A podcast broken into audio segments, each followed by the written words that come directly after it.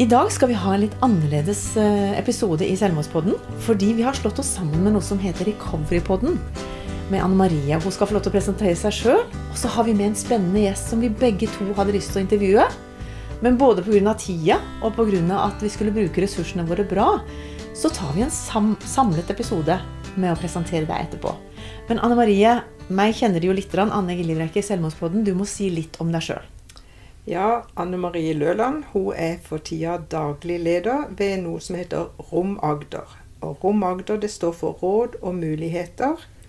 Og vi er et kompetansesenter og også et samskapingssenter for å få til bedre tjenester innen psykisk helse. Og det gjør vi gjennom å løfte brukerstemmen og samhandle med ulike offentlige og private tiltak for å få det til. Mm.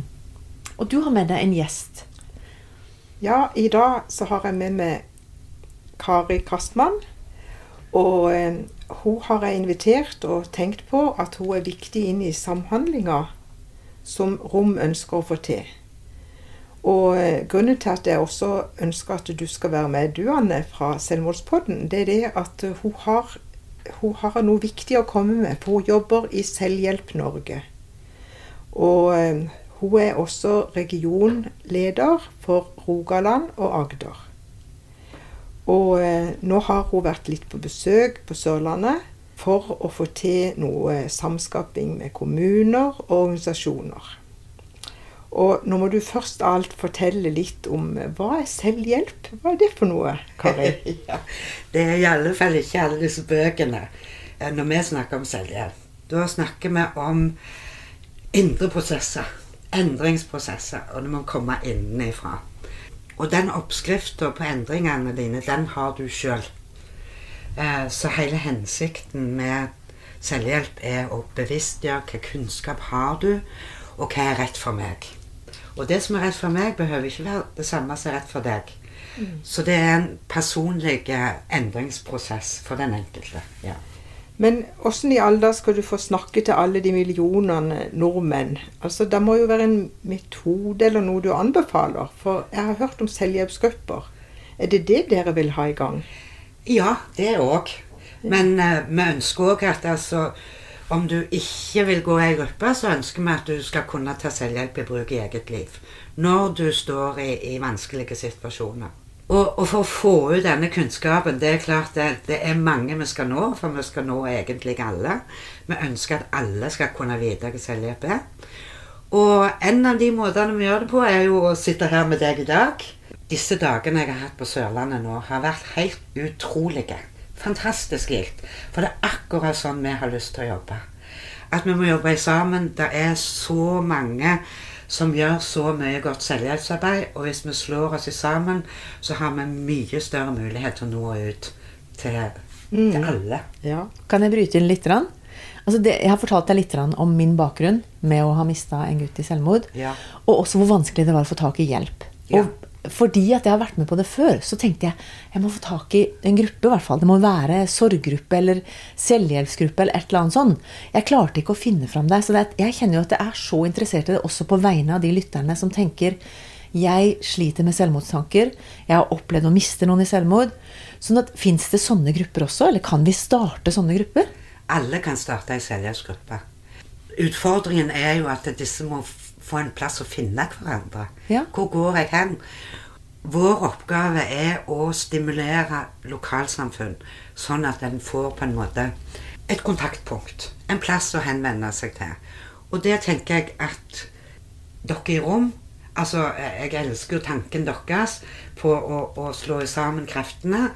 Og, og, hvis en på en måte kan ha ett kontaktpunkt og et behov altså Det kan være at jeg har mista jobben, jeg trenger noen å snakke med. Eh, så kan jeg henvende meg til rom, forhåpentligvis. Mm. Og så sier de vi er kobla. Ikke sant? Du sitter i, i um, Grimstad. Der er det uh, noen andre som har meldt seg, som ønsker noen å snakke med. Og så setter vi i gang. Mm. Det gjør at jeg får opp sånne tanker om likepersonarbeid ja. som vi har vært opptatt av i rom, og prøver å organisere, og også få til et samarbeid med både sykehus og kommuner på.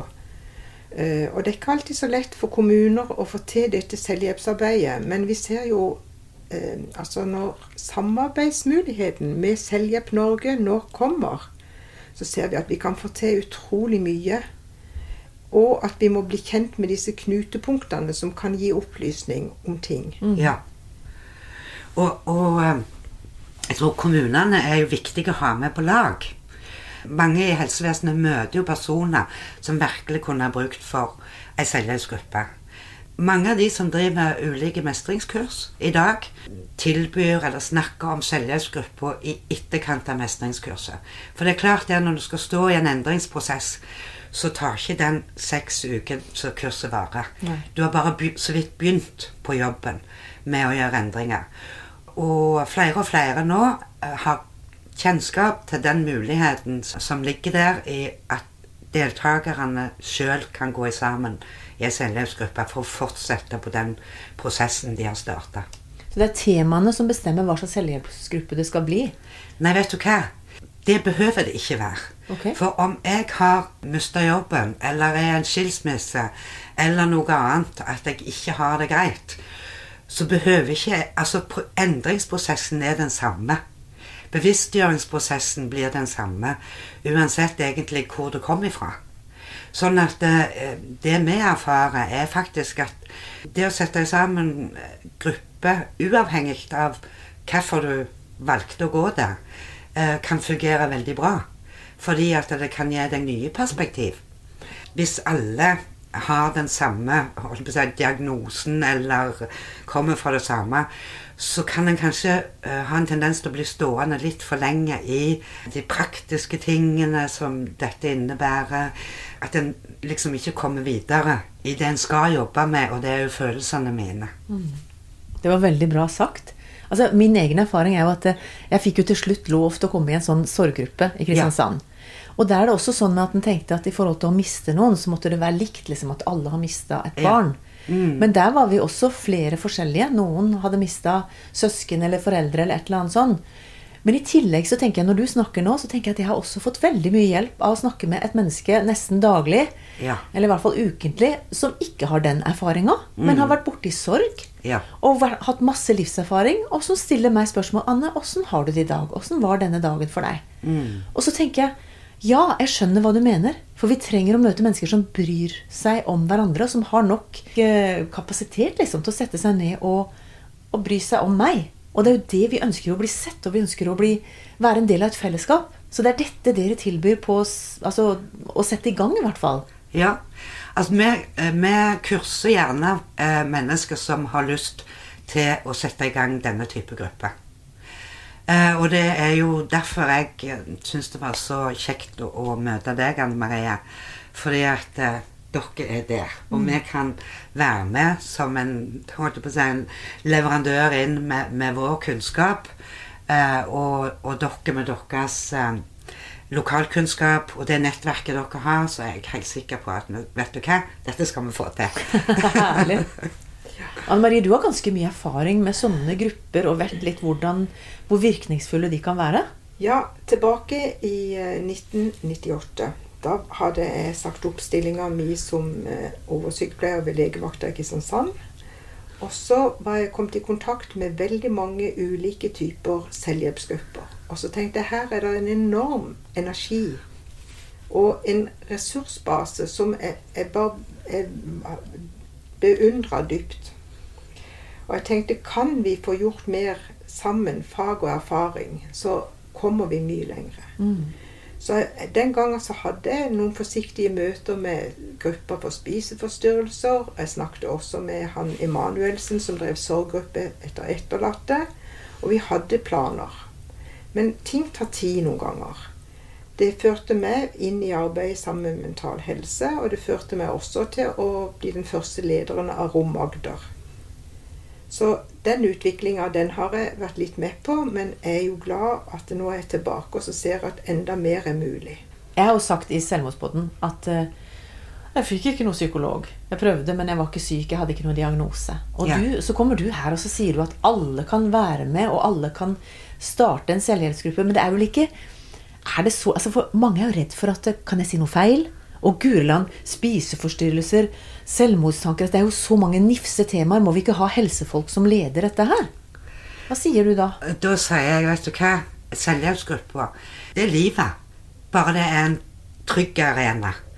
Vi møter jo ofte liksom Men hvis noen liksom ikke sant, bryter sammen, og det blir for voldsomt, og, og hva gjør vi da? Det må jo være en spesialist til stede som kan ta seg av det. Så sier vi det jo Altså, det kan jo skje hvor som helst. Og skjer det i selvhjelpsgruppa, så er det iallfall en, en trygg arena. Noen vil ringe 113, andre vil klemme rundt deg. Og, og, det er så bra å kunne leve det, oppleve det i den trygge settingen i selvhjelpsgruppa. For neste gang så vil du òg lære noe av din opplevelse når, når det var et menneske som brøt sammen. Hvorfor reagerte jeg som jeg gjorde? Kanskje jeg reagerte helt irrasjonelt. Da har jeg gjort meg en erfaring. Så neste gang så vil jeg kanskje reagere mer rasjonelt. Mm. Så det er jo det selvhjelpsgrupper er. Det at man kan lære å høre andres historier. Det er jo også mm. derfor vi driver podkaster, Anne Marie. Fordi vi ønsker at mennesker som enten sitter med en erfaringsbakgrunn eller holder på med noe som de brenner for, kan fortelle sin historie, som man kan kjenne seg igjen og si Oi, dette kunne vært noe for meg. Jeg kan bekrefte det. Jeg har vært med i en sånn selvhjelpsgruppe tidligere mm. hvor jeg syns alle var idioter i begynnelsen. For jeg tenkte at da handla det om den personen som jeg trengte å redde. i, denne, i dette tilfellet. Ja. Og jeg skjønte ikke hvorfor de snakka om seg sjøl. Ja. Det er vel helt uinteressant hvordan jeg har det. Dere må jo begynne å snakke om hvordan dere skal redde denne personen. Og etter hvert så begynte jeg også i løpet av det året jeg gikk med, å tenke Gulland, jeg betyr også noe oppi her. Jeg må få et liv, jeg òg, oppi det. Jeg kan ikke bare være rundt og redde andre. Og, og, akkurat det, altså På flyet så heter det jo du må ta på din egen oksygenmaske først. Ja. Eh, før du eh, hjelper andre. Og det er sånn vi selger. Altså du må på en måte For å bli en god hjelper, så må du stå trygt i deg sjøl. Mm. For du kan ikke Altså Hvis du bare har fokus på den andre og glemmer deg sjøl, så blir du til slutt utbrent, og du blir ikke god for noen. Og slettes ikke for deg sjøl. Mm.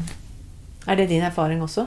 Ja, det er min erfaring. Og jeg tenker enten en er pårørende i forskjellige situasjoner, eller en er arbeidstaker eller arbeidsgiver, om en er i lederposisjoner forskjellig, det å ta avgjørelsene i eget liv. Også om noe er ugreit, og ikke som en da kommer til at eh, sånn kan jeg ikke ha det, så er det en sjøl som må ta det ansvaret eller det valget.